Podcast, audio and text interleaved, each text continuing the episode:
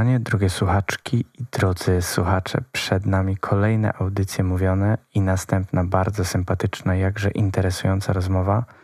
Słowem wstępu chciałem nadmienić, że choć nagrana w mało sprzyjających warunkach, bo w zatłoczonej restauracji, dodatkowo nad Bałtykiem w pełnym sezonie letnim, gdzie ilość pensjonariuszy przewyższa jakiekolwiek przedwakacyjne szacunki, możemy się domyślać, że w tle brakuje tylko latającego samolotu – a i tutaj Was zaskoczę, bo i on zdołał załapać się na nasze nagranie.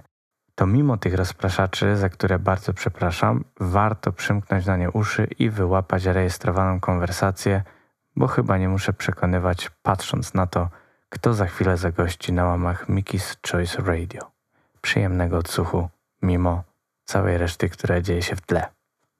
Moje uszanowanie, drogie słuchaczki, drodzy słuchacze, przed nami kolejne spotkanie w ramach audycji mówionych w Mickey's Choice Radio. Pozostałe cykle tworzące mini radyjko odnajdziecie na portalu Mixcloud, a ten, w którym właśnie się słyszymy, dodatkowo w aplikacjach podcastowych takich jak Spotify, Google Podcast czy Apple Podcast. Dzisiaj spotkanie szczególne, bo oczywiście tworzę duet z kolejnym wyjątkowym gościem ale dodatkowo spotkania odbywamy na Wybrzeżu, a dokładnie w jednej z sopockich knajpek. Wiem, że zaproszony gość bardzo nie lubi pochwał, peanów na swój temat, dlatego króciutko... No nie, oczywiście. Jednym zdaniem dla mnie i myślę, że dla wielu z nas fanów polskiego jazzu ikona tego gatunku, do tego jeden z najbardziej znanych i lubianych artystów polskiej sceny jazzowej, Jan Ptaszyn-Wróblewski. Bardzo Dzięki miło pan, piękne. Dzień dobry. Bardzo miło mi pana przywitać. Cieszę się, że znalazł pan czas na to spotkanie. Możemy sobie pogaworzyć. Spotkania w ramach audycji mówionych spotykają się wobec takich luźnych ram. W pierwszej części bardziej porozmawiamy sobie o panu, a w drugiej o twórczości i na koniec taka króciutka zabawa metrum 5 czwartych. Ja zadaję panu pięć króciutkich pytań, dwa warianty odpowiedzi, a pan po prostu to, co przychodzi do głowy, wybiera. Także można skorzystać z jednej pauzy, jeżeli wybór okazałby się zbyt trudny, ale to na samym końcu. I przez to, że jesteśmy w tym Sopocie, to może mało chronologicznie, bo będziemy wracać do czasów wcześniejszych, ale chciałem Pana zapytać o pierwszy festiwal jazzowy w Polsce, czyli Sopot 1956 rok, który odbił się, można powiedzieć, pod batutą Leopolda Tyrmanda. Jak Pan wspomina to wydarzenie i co najbardziej Panu utkwiło w pamięci do dziś z tamtego wydarzenia? No trudno jest to w ogóle dzisiaj opisać i jakoś na to obiektywnie popatrzeć, bo to były bardzo subiektywne przeżycia. Po pierwsze, raz wreszcie zdarzył się taki oficjalny festiwal, a przedtem jazzu grać w Polsce nie było wolno. W ogóle uważany był za jakąś wrogą propagandę, więc to oczywiście miało swój polityczny wydźwięk, czyli mnóstwo ludzi przyjechało tutaj żeby zobaczyć, jak wygląda owoc zakazany, a niekoniecznie dlatego, żeby posłuchać muzyki. A to też czytałem takie opinie właśnie. No, to normalne i zresztą po tym festiwalu sprawa wróciła do normy, to znaczy politycznie się to uspokoiło i stało się rzeczą normalną, a ludzie przychodzili już tylko i wyłącznie na koncerty. Względnie w ogóle, ale nie. Było wtedy sporo dosyć słuchaczy. Oto po latach posłuchy mimo wszystko pachniało cały czas jakąś nowością i jakąś atrakcją. Co ja najbardziej pamiętam, no w ogóle sam fakt, że się na tym festiwalu znalazłem, bo to był poniekąd mój debiut w profesjonalnym jazzie. Także no, moje przeżycia to były absolutnie coś innego. Ja byłem tutaj i w euforii z jednej strony i przerażony z drugiej strony liderami wtedy byli zupełnie inni ludzie i oni między sobą rozgrywali te najważniejsze rzeczy. Rozumiem. Jeszcze zanim przejdziemy do Pana muzycznych początków, gdybyśmy się zajęli teraz pseudonimem, bo może mnie Pan poprawiać oczywiście, czy to prawda, że ten pseudonim nadał Panu właśnie Krzysztof Komeda tak. i przez to, że w sekstecie było dwóch Janków, to nie było wiadomo kiedy który ma grać i wejść ze solówką, dlatego w końcu pan Krzysztof doszedł do wniosku, że musicie mieć jakieś pseudonimy i wtedy chyba padło Ptaszyna. Tak jest, tylko że to było jeszcze przed festiwalem w czasie prób. Tych Janów było wtedy bodajże więcej, tylko to byli również ludzie, którzy dopiero kandydowali. Koniec końców nie znaleźli się w sekstecie. Ale chyba nas było trzech, czy nawet czterech. No i rzeczywiście można się było pogubić w komunikacji. Rozumiem, dlatego ptaszyna wtedy. I kiedy to ewoluowało na ptaszyn? Bo moje pokolenie pana zna jako Jan Ptaszyn Wróblewski. No to bardzo szybko ewoluowało. Ja już nie pamiętam pod jakim dokładnie wpływem, ale Krzysztof doszedł do wniosku, że widocznie dojrzałem i po prostu ptaszyna brzmi już trochę infantylnie. No i przechodząc do Pana muzycznych początków, nie miał Pan łatwo, w ogóle wtedy każdy entuzjasta muzyki nie miał łatwo, bo brakowało dobrych instrumentów, jak Pan zaczynał, partytur do ćwiczeń, a dodatkowo wiem, że chyba w domu tata też nie był zadowolony, że wybiera Pan ścieżkę artystyczną. No to znaczy na początku rzeczywiście nie był zadowolony, ale później się już z tym pogodził. Może nie do końca, bo przecież jednak pracując w tekstycie komedii, ja w dalszym ciągu studiowałem na Politechnice. Tylko, że ja wiedziałem od razu, że nic z tego nie będzie, ale rodzina była spokojniejsza. Z tymi studiami też Pan miał tam zawiłości, powroty, jakieś urlopy dziekańskie tam. Nie, Troszeczkę nie, chyba po próbował prostu Pan. w pewnym momencie, kiedy już się sprawy stały niemożliwe, żeby pogodzić czasowo to wszystko, ja wziąłem rzeczywiście urlop dziekański, z którego już nie wróciłem do uczelni. Nie od razu dmuchał Pan w saksofon, tylko na początku zaczynał Pan od pianina i jak wielu saksofonistów też był przed saksofonem klarnet. Tak, I też chciałem zapytać, bo doczytałem, że zaczynał Pan na saksofonie, później oczywiście po tym klarnecie barytonowym i było przejście właśnie na tenor. I co spowodowało to przejście? to była dziwna historia. No, ja po pierwsze miałem ten instrument gdzieś tam kupiony okazyjnie, w paskudnym stanie, no on ledwo dyszał w ogóle, a jakichś specjalistów od remontu wtedy w ogóle zupełnie nie było. Ale mm, ja już nie pamiętam w jakich okolicznościach Krzysztof zrobił chyba zamówienie na rozmaite instrumenty dla nas, w tym również na baryton. Ale kiedy przesyłka dotarła, okazuje się, że barytonu nie ma, ale jest tenor. No więc ja wziąłem ten tenor i prawdą a Bogiem po tym moim rozpaczliwym barytonie, jak go wziąłem do ręki, to od razu było nieba a ziemia i już wiedziałem, że do barytonu nigdy więcej nie wrócę. Koniec końców wróciłem, ale to już późniejszy czas. Kilka polskich miast w Pana biografii jest bardzo ważnych, ale tutaj chciałem zahaczyć o Poznań i o spotkanie w teatralnej, gdzie pierwszy raz, e, no myślę, że to jest bardzo znaczące wydarzenie, gdzie poznał Pan i usłyszał Krzysztofa Komedę i wiem, że chyba zrobił ogromne wrażenie wtedy na Panu. Jak Pan w ogóle wspomina tamto spotkanie? no ogromne to może nie. To było o tyle dziwne, że no wparował w pewnym momencie do naszego towarzystwa Krzysio i ja zauważyłem, że reszta mojego otoczenia jak gdyby nieomal sztywnieje. Czyli zdałem sobie sprawę, że jest to ktoś bardzo ważny. No ale muzycznie to, to tylko się skończyło na tym, że Krzysio tam usiadł do fortepianu, coś zagrał. Nie było to efektowne. Sam zresztą się zastrzegał, że nie lubi grać solo. I tak było chyba rzeczywiście. Więc nie tyle muzyka na mnie zrobiła wrażenie, ile same wiadomości, że mówię z kimś, kto jest już w czołowych polskich zespołach. Też chciałem zapytać o umiejętność czytania z nut, bo gdzieś doczytałem, że właśnie u Pana ta umiejętność była bardzo dobrze rozwinięta, a wtedy wśród polskich jazzmenów to był trochę towar deficytowy, żeby ktoś płynnie No, czytał prawda. z nut. I właśnie gdzie Pan nabył tą umiejętność, która wtedy no nie była zbyt Ja powszechna? od samego początku, jeszcze w dalekich amatorskich czasach, zajmowałem się równie mocno graniem, jak i aranżowaniem, pisaniem rozmaitych partytur, nie partytur. I w ten sposób musiałem po prostu nuty poznać, bo je trzeba było zapisywać.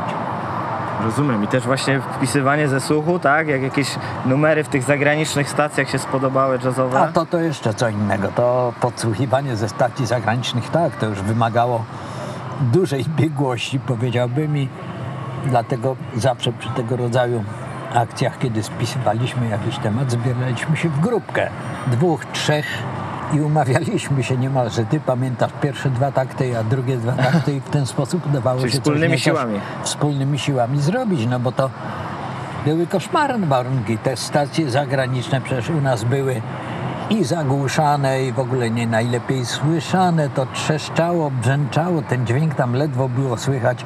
Nikt nie wiedział, co to jest, kto to gra. No jakoś trzeba było sobie radzić. Stąd zresztą na początku, jeszcze w czasach seksetu komedy, myśmy grali mnóstwo standardów i nawet nagrywaliśmy je pod zupełnie wymyślonymi tytułami, bo nie wiedzieliśmy, jak to się naprawdę nazywa. I właśnie jeszcze a propos sekstetu, to zanim on powstał, to chyba ważna podróż z koncertu melomanów ze stolicy, jak panowie razem wracali do Poznania i w przedziale właśnie podjęli decyzję, że chcą grać tak zwaną modernę. Nie, nie, nie, żadnej decyzji nie było w tym momencie. Zresztą gdzieżbym ja tam był od decyzji przy Krzysiu Komedzie? Skąd? Ale to z by nie Krzysiem, że podjęliście. Tak, natomiast nie. Nie, nie? Krzysztof nawet nie podejmował żadnej decyzji, tylko mnie poinformował, że chciałby stworzyć jakiś rodzaj zespołu na miejscu w Poznaniu, więc żebym się nie zdziwił, jak się do mnie zgłosi. Czyli tak to wygląda. Tak to wyglądało. Gdzie tam ja nie byłem wtedy żadnym partnerem, który by Krzysztof doskonale wiedział, co chce robić. No a że mu się marzył jakiś zespół w Poznaniu, to było zresztą przecież też założenie szalone zupełnie, bo w tym Poznaniu nie było tylu muzyków, żeby stworzyć jakiś wielki, poważny zespół. No Krzysztof rzeczywiście zebrał co się tylko dało. Ja sam przecież wtedy nie byłem jeszcze jazzmenem, tylko dopiero jakimś człowiekiem pretendującym do miana jazzmena. Wszystkich nas Krzysztof musiał długo, długo uczyć, trenować, ćwiczyć, zanim doszło faktycznie do istnienia tego zespołu.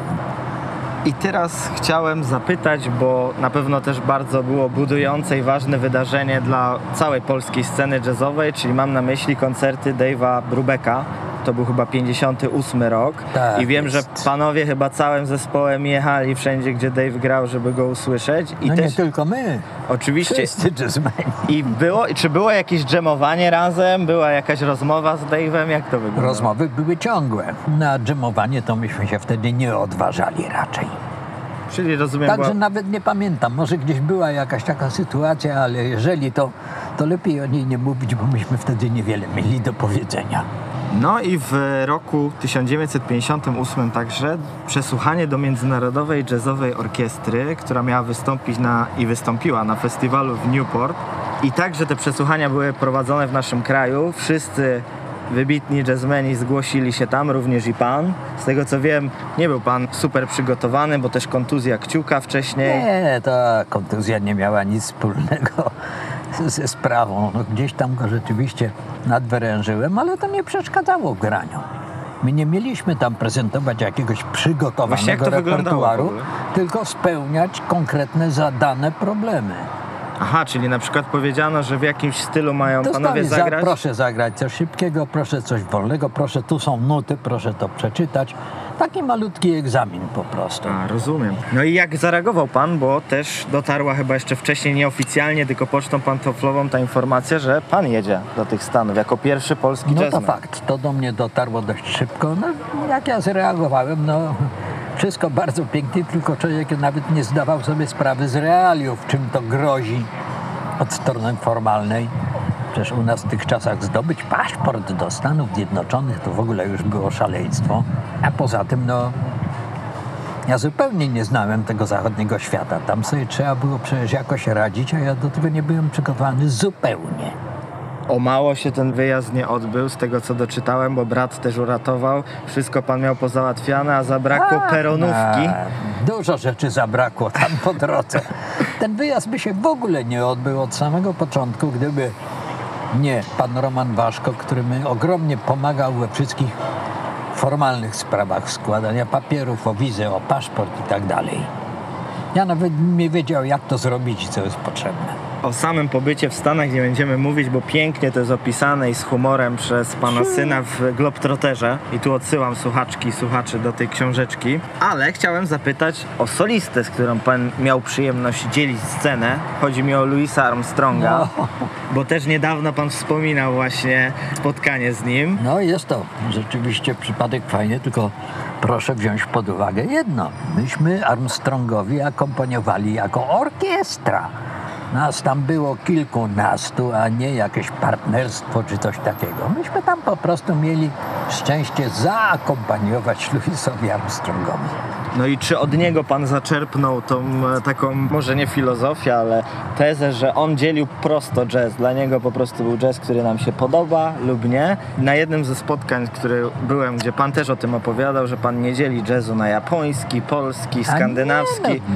Tylko jest jazz, który nam się podoba bądź nie. Jest jeden, ale to e, nie chodzi o to, że dzieliliśmy ten pogląd z Armstrongiem, On po prostu w ogóle nie znał innego jazzu. No, on go sam zresztą wymyślał poniekąd. Więc wtedy mowy nie było o jakichś takich czy innych gatunkach jazzu. Był jeden gatunek muzyczny, koniec. Ja ten pogląd podzielałem, podzielam nadal do dzisiejszego dnia. I na koniec tej pierwszej części o panu, jak to wyglądało z tą emigracją, bo wielu muzyków kusiła. Wiem, że Gucio Dylon w pewnym momencie właśnie on chyba pierwszy tą emigrację, że tak powiem, rozpoczął.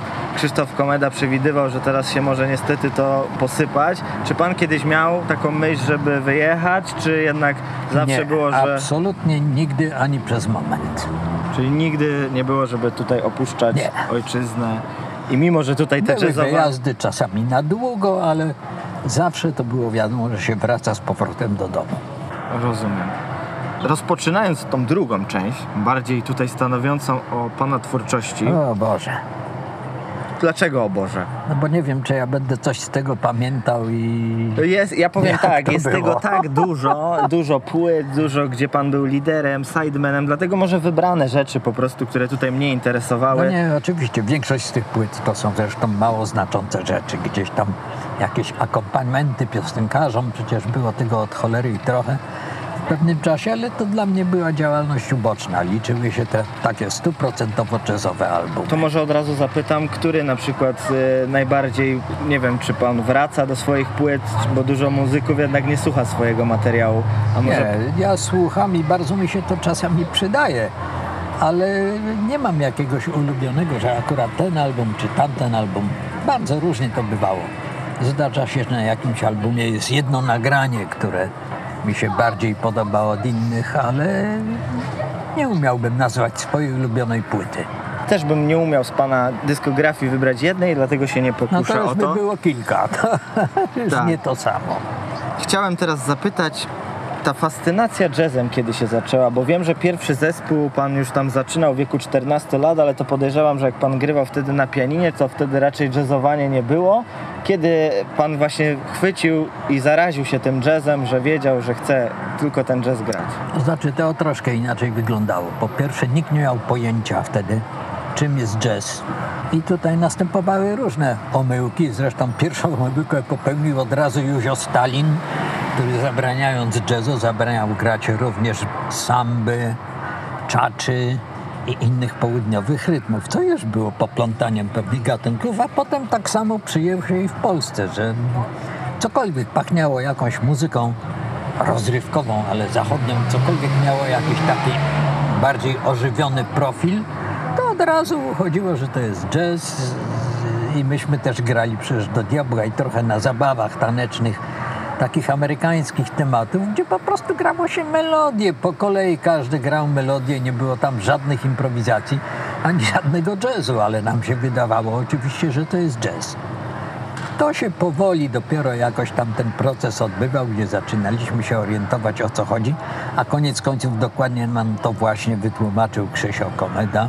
Także trudno rozgraniczyć ten moment. Ja wiem, że jeszcze w tych pradawnych kaliskich czasach, no dla mnie jazzem na przykład była orkiestra Pereza Prado, która bawiła się w Mamba, ale równie dobrze Charlie Parker z Dizzy Gillespie. Także ten rozrzut cały czas jakiś istniał, ale z czasem to się wyklarowało. I też nie ukrywam, że chciałem Pana zapytać o ten klarnet, bo sam też grywałem. Niestety teraz troszeczkę na półce kurzy się ten instrument, ale bardzo go lubię, bardzo go lubię słuchać. I wiem, że u Pana początki były trudne, bo nawet nauczyciel, który prowadził z Panem zajęcia, to w sumie on był tak naprawdę od flety, ale kierownictwo szkoły uznało, że flet jest podobny gabarytami do klarnetu, to i na klarnecie nauczy. No nie miał kto uczyć po prostu na klarnecie, więc tak to się odbyło. I właśnie nieomal ze mną wyszukiwał różnych chwitów w tabelach. Bo właśnie tam palcowanie nie jest łatwe. To nie jest jak w saksofonie, że tutaj oktawę od razu wciskając No nie, ale to nie taki potworny problem. Nie wiem, nie miałem problemów z tym klarnetem jakoś. I sam Może gdyby dochodził, było tak? odwrotnie, gdybym zaczął od saksofonu, to klarnet byłby problemem. Ale jak się zaczyna od klarnetu, to saksofon jest tylko ułatwieniem. No właśnie mi też tak polecono, bo ja chciałem oczywiście na saksofonie grać, ale polecono mi, że dobrze było jakbym się nauczył na klarnecie, bo w jedną stronę łatwiej jest przejść, a raczej z saksofonu trudniej jest skoczyć na klarnet. No mało tego, wtedy jeszcze saksofon w ogóle nie był traktowany jako poważny instrument. Ktoś, kto gra na saksofonie, to był jakiś taki amator dziwoląg. Musiał saksofonista być klarnecistą, żeby w ogóle być traktowanym jako poważny muzyk. Obojętne, czy było mu to potrzebne, czy nie. Wymagało się, żeby miał to opanowane. W którymś momencie ten klarnet został całkowicie wyparty. No to już były te dalsze czasy, powiedziałbym, kiedy wymagało się już pewnej specjalizacji i pewnej wyższej techniki, gdzie już nie starczało czasu, żeby się zajmować rzeczami, które nie są przydatne. Chciałem zapytać jeszcze. Sextet chyba żadnego krążka nie nagrał. To znaczy były rejestracje żywe z festiwalu w Sopocie, ale to jest koszmarna muzyka. Dlaczego koszmarna? No bo myśmy wtedy nic nie umieli. Czyli otwarcie przyznaje pan, że te No początki. nie, no dziś się tego słuchać nie da po prostu. To w takim razie przejdziemy do drugiego zespołu, Jazz Believers, e, gdzie też anegdotka z pana biografii, gdzie właśnie pan Krzysztof Komeda przyszedł, że będzie zakładał zespół z Kurylewiczem i Trzaskowskim, na co pan zareagował, że szykuje się świetna kapela na trzy fortepiany. A No oni, bo tak było. a oni mieli, rozumiem, tam był plan, była trochę zmiana instrumentów, że nie ma e, słabych jednostek, słabych ogniw i jest poważne granie. No tak, tam rzeczywiście byli pełnowartościowi jazzmeni. Dobrali się muzycy, których każdy był samodzielnie pełnowartościowym muzykiem. Mieli wszyscy zresztą chwycić za rozmaite te instrumenty. Niewiele z tego wyszło. Kurylewiczowi udało się opanować fantastycznie trąbkę i to było z nim wiele satysfakcji. Andrzej Trzaskowski miał grać na trąbce, ale chyba nigdy w życiu żadnego publicznego wykonania nie było. I Krzysio Komeda miał grać na saksofonie alcie. Rzeczywiście przez pewien czas wiem, że grał na tym saksofonie gdzieś w jakimś klubie studenckim. Ale też koniec końców niewiele z tego zostało. I tutaj już była chyba płyta nagrana w Poznaniu dla RCA Wiktor, ale ona też chyba nigdy nie wyszła. Dostali po prostu członkowie zespołu kilka sztuk tych płyt, ale chyba do sklepów nigdy nie trafiła. Nigdy nie trafiła i nigdy nie została oficjalnie wydana. Zresztą nie ma się co dziwić, bo to był w ogóle zamysł szatański. Nieprawdopodobne. Panowie, którzy byli przypadkiem na targach poznańskich z ekipą amerykańską, postanowili to nagrać, ale to nagranie było robione na jeden mikrofon, cały zespół. No to od razu z góry było wiadomo, że to nie ma żadnych szans. No tak, na jednym mikrofonie to myślę, że jakoś To była od taka dokumentacja, że coś się dzieje, ale brzmieniowo no to była katastrofa. No. I tak wyjątkowo dobrze im się to udało zrobić, ale to nie był materiał, który wytrzymałby próbę jakościową, jaką wtedy Amerykanie uznawali za przeciętną. Jasne. Także ta płyta, no to jest taka płyta, która była płytą, ale nie była płytą. Tak jakby dzisiaj ktoś nagrał kasetę.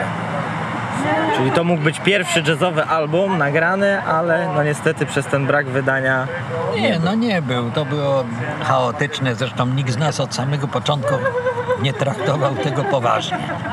No i właśnie chyba pierwszym już albumem, który został nagrany oficjalnie było Go Right kwintetu Kurylewicza. Czyli w sumie brał pan udział w nagraniu płyty, która była pierwsza długogrająca, ale no niestety nie wyszła, ale choć była nagrana. No i ta oficjalnie, która już wyszła, czyli właśnie tutaj No tak. Go Right. I czy właśnie wspomina... Oj, rzeczywiście Go Right powstało dlatego, że wcześniej Krzysio Komeda nagrał tą płytę w Danii. Więc przekonaliśmy Ars Polone chyba wówczas, że skoro zagranica może wydawać polskie nagrania, to oni mogliby też.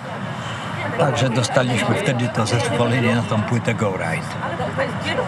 Podczas istnienia Jazz Believers wyjechał pan właśnie wtedy do Newport, prawda? I do Nowego Jorku. I wrócił pan z kontrabandą, bo chyba jako premię otrzymał pan nowy saksofon, nowy instrument. No tak, wszyscy, cała orkiestra otrzymała I instrument. podejrzewam, że sprzęt był o niebo lepszy niż ten, który pan wtedy aktualnie wykorzystywał.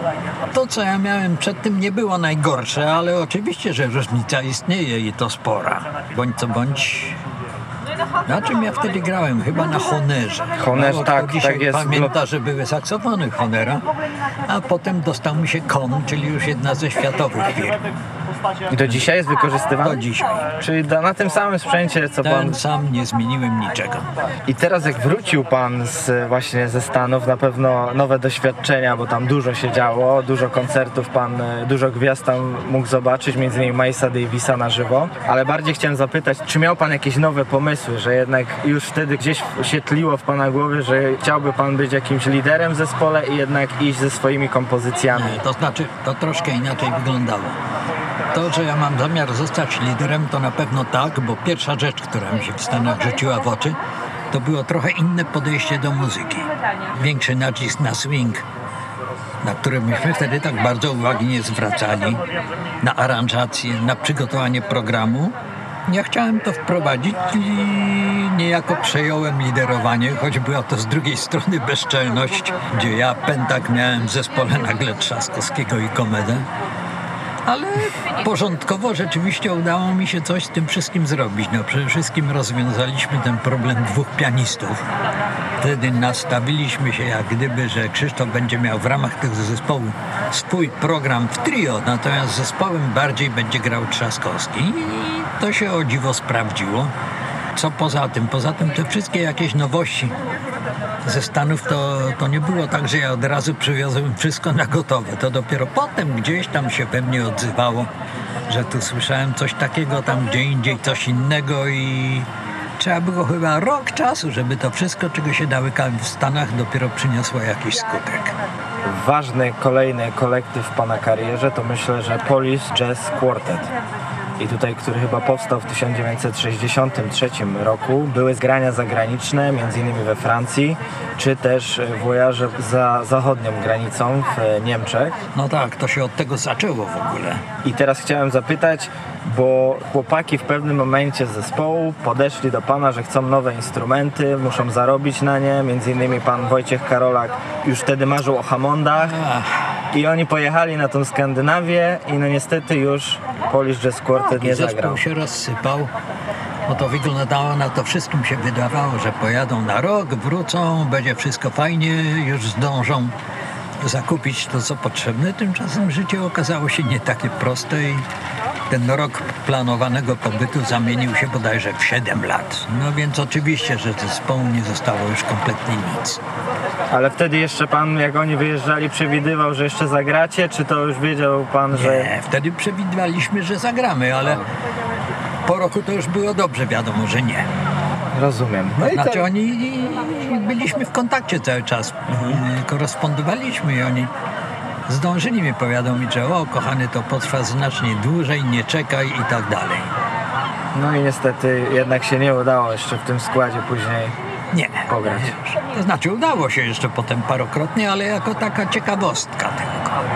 No i przechodzimy do lat 70. Kolejna bardzo barwna dekada w pana twórczości. Ojej. Solowy debiut Sweet Beat, 72 rok.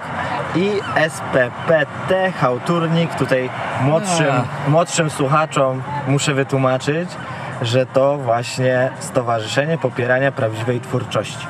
I teraz właśnie z żartu powstał projekt, który no, nagraliście długo grającą płytę i były chyba koncertowanie normalnie, także z żartu coś...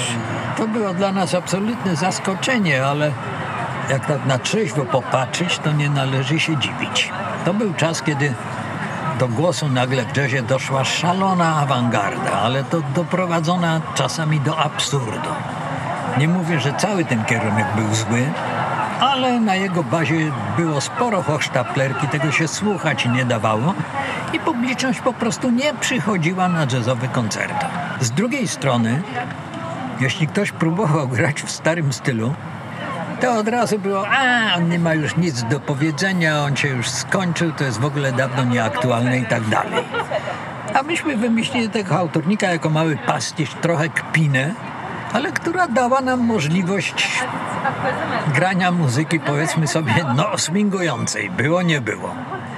Bo jazzowy to ten autornik do końca nie był. Tam improwizacje odgrywały minimalną rolę. No ale ku naszemu zdumieniu, jak zrobiliśmy pierwsze nagrania, te nagrania zaczęły się przyjmować na antenie wszędzie, zrobił się hałas i troszkę nas to i zaskoczyło i przerosło nawet powiedziałbym. Zresztą to się ciągnęło lata długie w międzyczasie.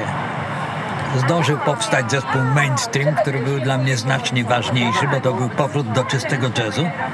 A tymczasem zapotrzebowanie przychodziło, że nie, my chcemy hałturnik. Także już prowadziłem później handel wymienny na zasadzie, że zróbcie koncert mainstreamu, to zrobimy jeden hałturnika.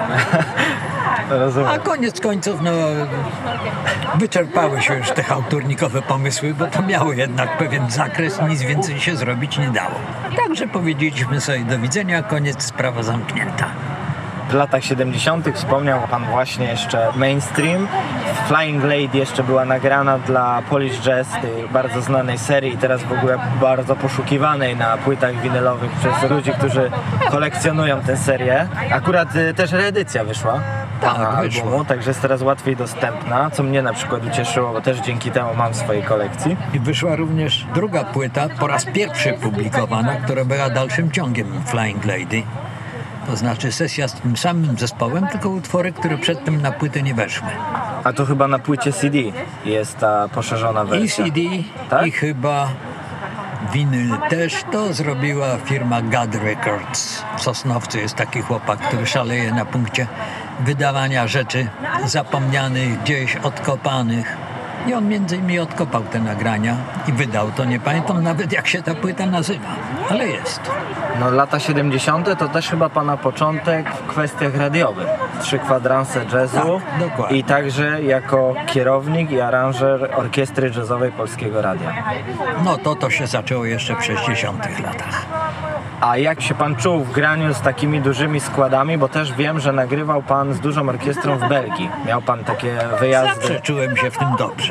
Od samego początku. Zawsze miałem gdzieś ten rozrzut. Oczywiście na początku możliwości stworzenia big bandu w Polsce nie było. Ale na przykład bardzo dużo aranżowałem, czy nawet przewidywałem dla siebie solówki z różnymi tanecznymi orkiestrami Polskiego Radia, z Czernym, y, z Klimczukiem i tak dalej, i tak dalej. Także ja bez przerwy z tą orkiestrą miałem do czynienia. I nawiasem mówiąc, to się wszystko zakończyło na prowadzonym przez Klimczuka studiu M2. Tylko w pewnym momencie Klimczuk odszedł. Po prostu uznał, że powinien się zajmować czym innym i wtedy mnie zlecono liderowanie studiem M2 na miejsce Klimczuka. A ja z tego bardzo szybko zrobiłem ten skład taki stricte jazzowy, który został przemianowany na studio jazzowe Polskiego Radia. Udało się też panu, bo tak jak wcześniej wspominaliśmy, samodzielnie pojechać do Stanów, ale też pojechał pan z zespołem. Prawda? Były wyjazdy. Tak, a to już były dalsze historie, też dosyć szczególne. To była jakaś wymiana, nie pamiętam. Wymiana zespołów. Do nas przyjeżdżały amerykańskie studenckie big bandy, a my potem jechaliśmy do nich i odwiedzaliśmy studenckie ośrodki. Bardzo ciekawa zresztą podróż, aczkolwiek to się odbywało jak gdyby takim bocznym torem, nie tym głównym, nie tym, na który się z reguły patrzy i spogląda, aczkolwiek cała trasa skończyła się koncertem w Village Vanguard, czyli jedynym takim rzeczywiście wyrenomowanym miejscu, gdzie sprawa już nie mogła być przegapiona. Po koncertach w USA także grywał pan z Wojciechem Niedzielą. Później Morelek, czyli Andrzej Dąbrowski, namówił też pana na turystyczne takie granie, czyli na statku wycieczkowym. Był kurs do Rio i tutaj chciałem pana zapytać, bo wiem, że w jakimś etapie pana życia bardzo e, dużo słuchał pan Stana Getza, a jeżeli Stan Getz, no to dosyć blisko do Bossanowy, no a wiadomo, że z Bossanowy to blisko do Rio.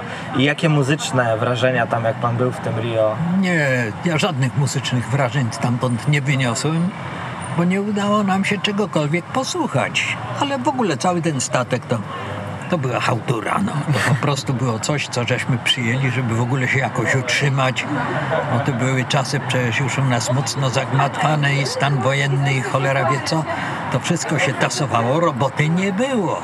Zagraniczne kontakty nam się przecież wtedy zupełnie ciachnęły, bo uznano, że że no jak ktoś z Polski zostaje wypuszczony, dostaje paszport, to znaczy, że jest po stronie komunistycznej i jakiś tam nie wiadomo szpion czy diabli wiedzą co. Dziwne, dziwne rzeczy się porobiły, a statek to była absolutnie, po pierwsze zupełnie nie jazzowa sprawa. A coś tam nie próbowali panowie przemycać? No, próbowali graliśmy, oczywiście to automatycznie się dzieje, ale to nie były żadne wielce ambitne sprawy. To było absolutnie zajęcie czysto zarobkowe od początku do końca. Natomiast jeśli chodzi o muzykę brazylijską, to ja to mam zupełnie innego rodzaju porządki. Myśmy gdzieś jeszcze chyba w latach 59-60 coś takiego odbębnili trasę po Polsce jako muzycy dokooptowani do zespołu Brazyliana, który prezentował rzeczywiście brazylijski folklor i tam tej muzyki było strasznie dużo i była bardzo autentyczna. To stamtąd mi się zaczęło, a potem, no, potem rzeczywiście interesowałem się wszystkimi brazylijskimi nagraniami, zaczynając od powstania bossa nowy, bo to się dopiero dokonało gdzieś w latach 50. i to chyba późnych, a do nas trafiło jeszcze później. I w ogóle tam się działo bardzo wiele bardzo ciekawych rzeczy, dzieje się do dziś. Czasami u nas jest na ten temat wiele pomylonych pojęć. No przede wszystkim, jeśli chce się rzeczywiście mieć do czynienia z prawdziwą bosanową czy brazylijską muzyką, to trzeba się oprzeć o autentycznych muzyków stamtąd, a nie pośrednie później jakieś amerykańskie czy inne wzory, które przejmowały też bosanowe i robiły z tego muzykę rozrywkową. Ale tu jednak Stan Getz mocno rozsławił tam Stan bossanowe. Getz, tak, no Stan Getz przyprowadził to do Stanów Zjednoczonych, aczkolwiek mnie się wydaje, że te nagrania wtedy Stana Getza wcale nie były takie super ambitne czy coś. On lata później zrobił dopiero te brazylijskie rytmy znacznie poważniej.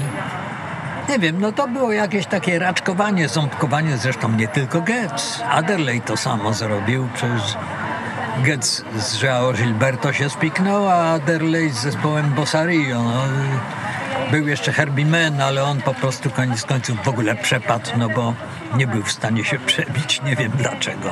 Dużo było tych kontaktów, ale najważniejsze były te autentyczne nagrania. Jobim, Gilberto. Sergio Mendes.